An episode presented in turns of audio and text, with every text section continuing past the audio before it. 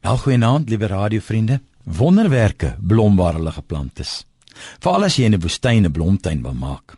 Dis presies waarmee die Here besig is as hy van die slegste tye die beste tye maak. So sê Psalm 126. Here, as U ons droewige lot wil verander, sal 'n wonderwerk moet gebeur. En dan bedui hulle sommer vir die Here die omvang van die wonderwerk. Here, U sal die droë spruite in die woestyn in waterstrome moet verander soos wat in 1981 hier by ons in Lensburg gebeur het. Maar dit was 'n ramp van 'n wonderwerk. Presies, want vriende, die Here werk nie so nie. Hy laat wonderwerke blom waar hulle geplant is. sien, die Babiloniërs wou nie vir die Jode geleentheid gee om te blom nie.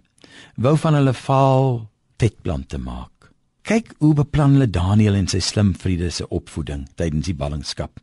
Hulle moet volksvreemd groot word sodat hulle nie meer sal wees as wat hulle is nie. Dis nie adapt to rapid change nie.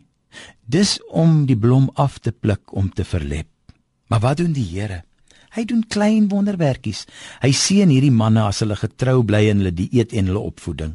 Hy red hulle uit die vuuroond as dit nodig is. Hy sluit die bekke van die leeu's vir Daniël in die leeukuil. Inderdaad, God se wonderwerk in Babel was sy mense, mense wat hy gebruik het met die oog op die mooier môre wat hy beplan het.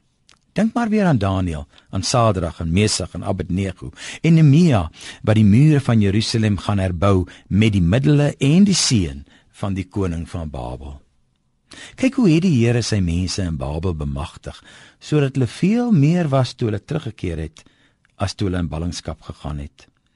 Hulle was die kinders wat die Here in Jeremia 29 gevisualiseer het. Hulle het groot geword in die huise in Babel waar vir Babylon gebid is.